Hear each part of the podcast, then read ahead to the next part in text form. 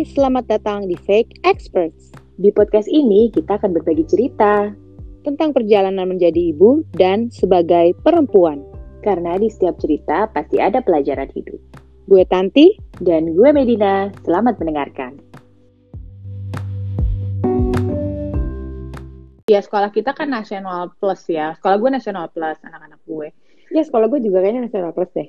Iya kan. Dan uh, gue nggak tahu apakah uh, orang lain yang anak-anaknya sekolah di sekolah internasional memiliki uh, permasalahan yang sama atau mereka sudah puas dengan sistem belajar di sana gitu. Nah, cuma gue pengen nanya sama lo nih ya kan karena lo pernah menyekolahkan anak-anak lo di US kan karena lo pernah hmm. pernah tinggal di sana tiga tahun ya. Yeah. Berarti waktu itu kan anak lo yang paling gede umur uh, kelas berapa? Kelas 2. Kelas 2 ya berarti yeah sama ama anak gue yang kedua sekarang kelas 2 berarti dia sampai kelas 4 5 sampai kelas 4 4 berarti sama sama anak gue yang pertama sekarang. Nah gue ya. pengen compare aja nih. Itu menurut lo apa sih yang berbeda dari cara belajarnya? Hmm, beda banget ya. Kenapa uh, langsung?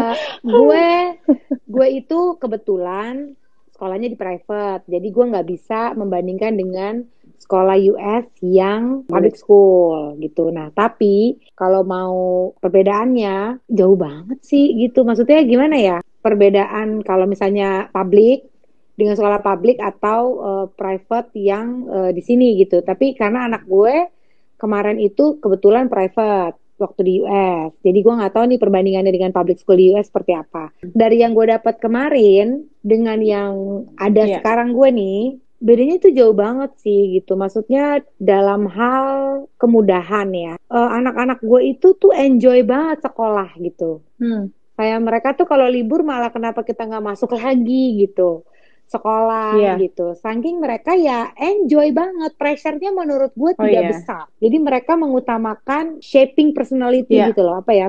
Building karakter. Jadi ya yang ditekankan ya itu behaviornya hmm. aja gitu loh. Hmm, Pendidikan hmm, hmm, pasti ilmu pasti ada. Math mereka belajar, English juga mereka belajar. Selebihnya ya itu cultural gitu loh. Jadi kayak mungkin peta-peta. Yeah. Nah, yang gue tertarik banget ini gue ngomongin anak gue yang waktu itu kelas 2 ya.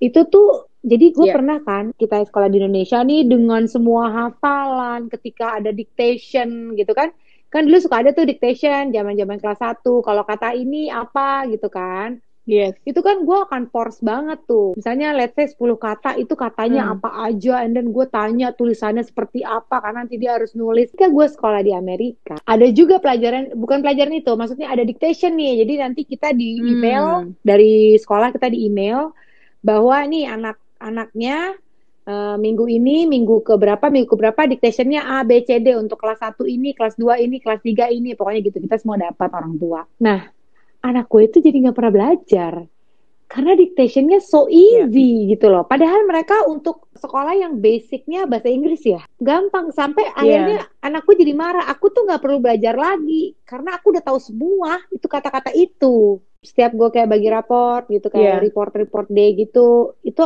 math anak gue nggak pernah bermasalah, English anak gue nggak pernah bermasalah. Kayak pelajaran-pelajaran cultural gitu juga mereka nggak pernah. Jadi emang have fun banget. Terus yang gue tertarik adalah ketika mereka belajar cultural dalam satu tahun, yeah. itu mereka cuma belajar let's say North America. Udah itu aja, hmm. ubek-ubek aja itu selama satu tahun North America. Hmm, Jadi mereka tuh tahu okay. ya, akhirnya tanpa yeah, yeah, mereka yeah. harus menghafal dengan sendirinya yeah. mereka akhirnya tahu kan kayak state-nya tuh ada berapa state sih? Yeah. Ada apa aja sih di masing-masing state? Yeah. Di sebelah Iya di West apa di di ya, East tuh makanannya apa, seperti apa, apa culture seperti apa.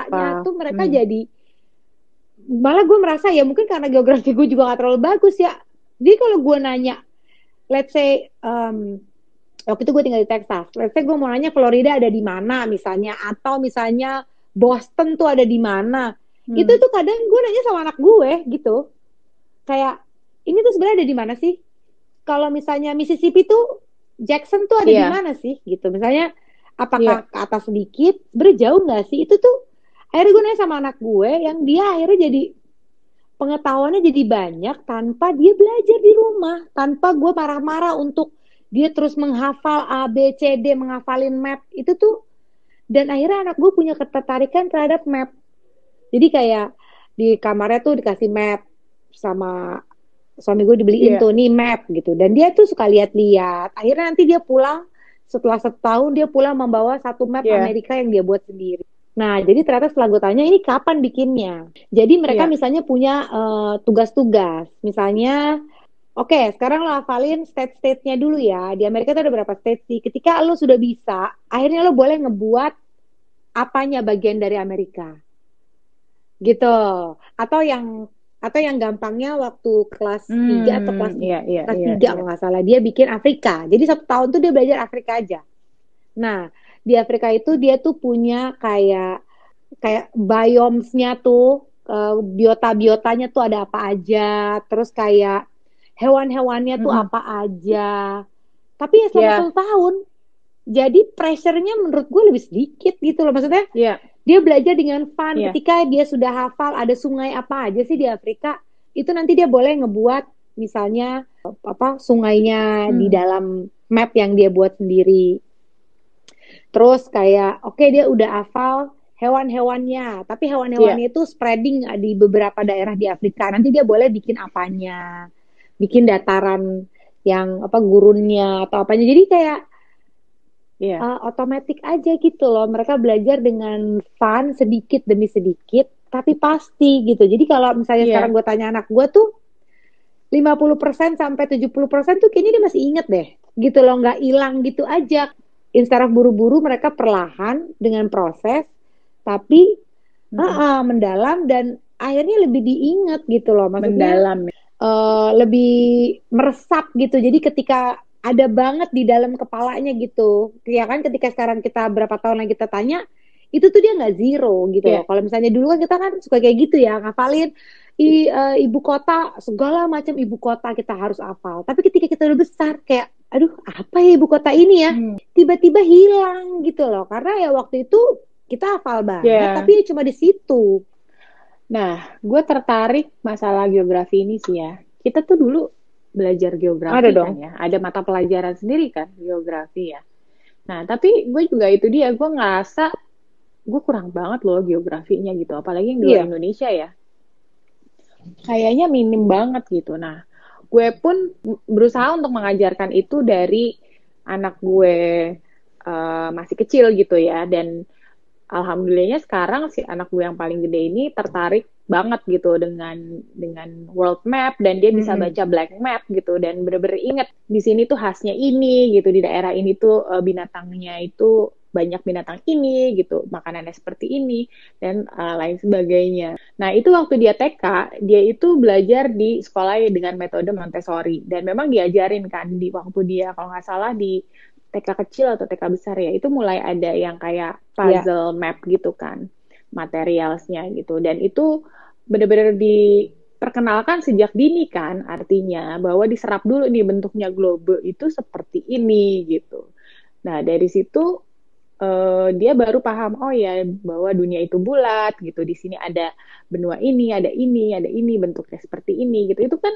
terekam ya di hmm. di di otak mereka gitu nah hanya saja ketika kelas satu gitu ya itu kan jadi blank gitu ya maksudnya nggak ada kan ya mungkin belum ada ya di di kurikulum nasional kita bahwa geografi diperkenalkan di kelas satu gitu ya mungkin masih lokal ya geografinya kan ada ya.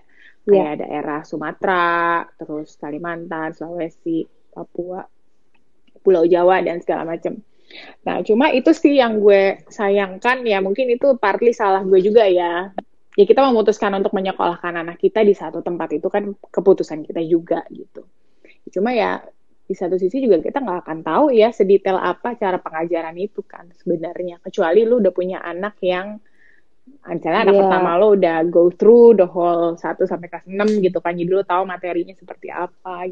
Ya itu sih, gue juga eh, berharap kurikulum kita bisa segera direvisi, dimodernisasi gitu ya sesuai iya, kalau menurut gue tuh harusnya ya dipermudah. Ya tapi diperdalam. Yeah. Udahlah belajar tuh sedikit aja, tapi dalam gitu. Pendidikan bisa nggak sih belajar belajar memprioritaskan ilmu gitu ngerti gak sih maksudnya? Kayak gimana bahasanya yeah. kayak ya udah kalau misalnya let's say apa yang penting sih? Setiap individu di Indonesia ini harus punya apa? Pengetahuan tentang apa? Let's say Pancasila. Yeah.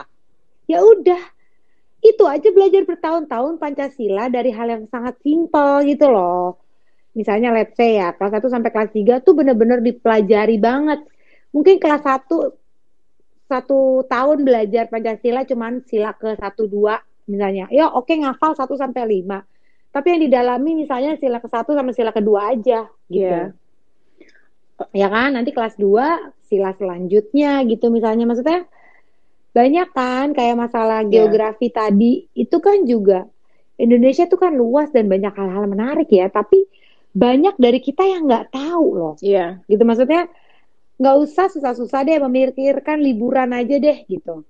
Di mana ada apa di daerah mana ada apa tuh karena kita nggak tahu loh gitu kayak oh ada ya di sini iya. oh di situ ada ini ya gitu maksudnya dan mungkin untuk itu instead of uh, ada di buku ya memang sekarang mungkin udah ada fotonya gitu kan kayak rumahnya seperti apa, baju adatnya seperti apa, senjatanya, makanannya segala macam. Tapi mungkin lebih sering dibawa ke tempat-tempat kayak misalnya uh, kalau dulu kita ada taman mini gitu kan. Gua nggak tahu ya kalau sekarang apakah itu masih bisa dilakukan. Maksud artinya resource-nya masih sebagus dulu gitu atau lebih bagus. Ya.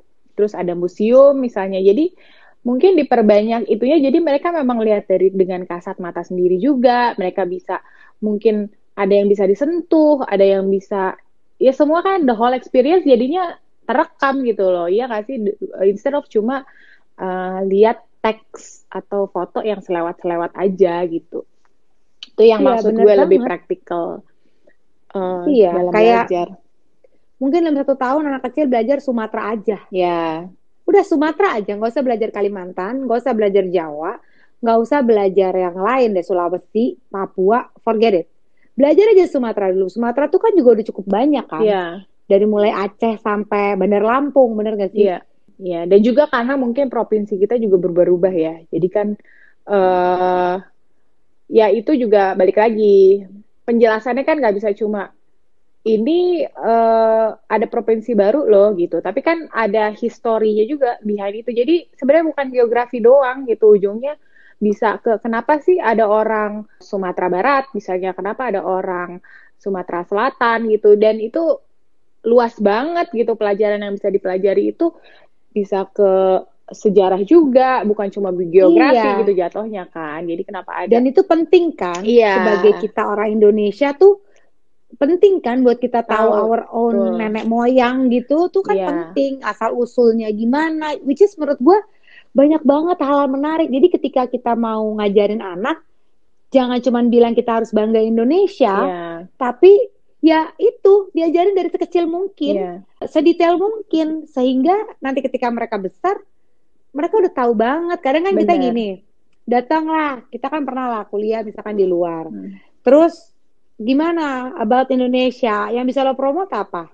So far dulu-dulu. Hmm. Pulau Bali, yeah. that's it. Karena kita nggak tahu lagi di Sumatera tuh ada apa aja sih. Iya. Yeah. Jangan sampai kita salah kasih salah zaman informasi. sebelum kalau ini Bali kita perlu di salah deh. ini perlu di note down ya. Ini zaman sebelum ada sosial media ya. Iya. Jadi orang belum betul, bisa betul, browsing, betul, betul, belum Iya, bisa iya, iya, iya. lihat-lihat. Jadi Zaman memang benar-benar handphone fotonya belum digital banget tuh masih yang kuning-kuning hitam gitu. Jadi memang zaman kita hanya tahu dari pendidikan kita di sekolah gitu, bukan dari browsing. Kalau ya itu lagi balik lagi.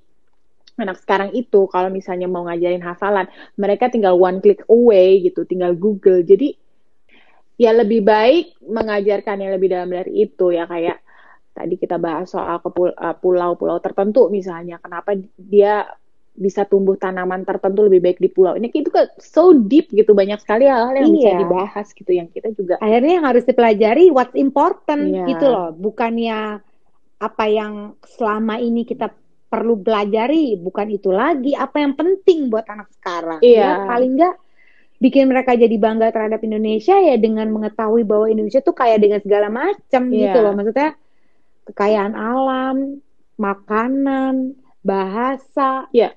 budaya tari-tarian lah, lagu, segala macam, pakaian daerah, senjata. Itu kayak banyak banget ya yang Iya, kita aja sekarang nggak hafal nggak sih? iya. Atau kita suruh milih baju dari Sumatera Utara tuh yang kayak gimana sih? Hmm. Baju dari yang Bandar Lampung bedanya apa? Iya. Makanan bedanya apa? Yang kita paling tahu kan yang paling famous aja. Kayak misalnya oke pempek dari Palembang, let's say oke rendang dari Padang misalnya. Iya, betul. Tapi bukan cuma itu, kita sebagai orang Indonesia kita harusnya tahu lebih banyak ya dibanding orang lain. Gitu sih yang Iya. Sebenarnya Tan, kalau menurut gue banyak hal-hal yang bisa dilakukan untuk praktek dari pelajaran di sekolah gitu. Jadi bukan hanya di kelas saja, seperti misalnya pergi ke museum. Jadi anak-anak itu benar-benar lihat seperti apa sih bentuk aslinya satu artefak misalnya. Terus teksturnya seperti apa. Iya nggak sih menurut lo? Iya benar-benar benar. Jadi semua itu nggak hanya teori tapi harus langsung didukung dengan kejadian nyatanya apa, benda nyatanya seperti apa. Hmm, Menurut gue gitu. Contohnya. Jadi iya. Nah, saran gue berarti buat sekolah-sekolah buatlah satu apa ya kegiatan atau festival yang menarik, yang rutin, yang dapat menunjukkan hal-hal yang sudah mereka pelajari. Contoh tadi kita bahas tentang makanan atau misalnya baju-baju daerah atau lagu-lagu dan lain sebagainya supaya mereka betul-betul langsung eh, langsung melihat hal nyatanya. Menurut gue itu akan lebih efektif ketimbang hanya teori, teori, dan teori.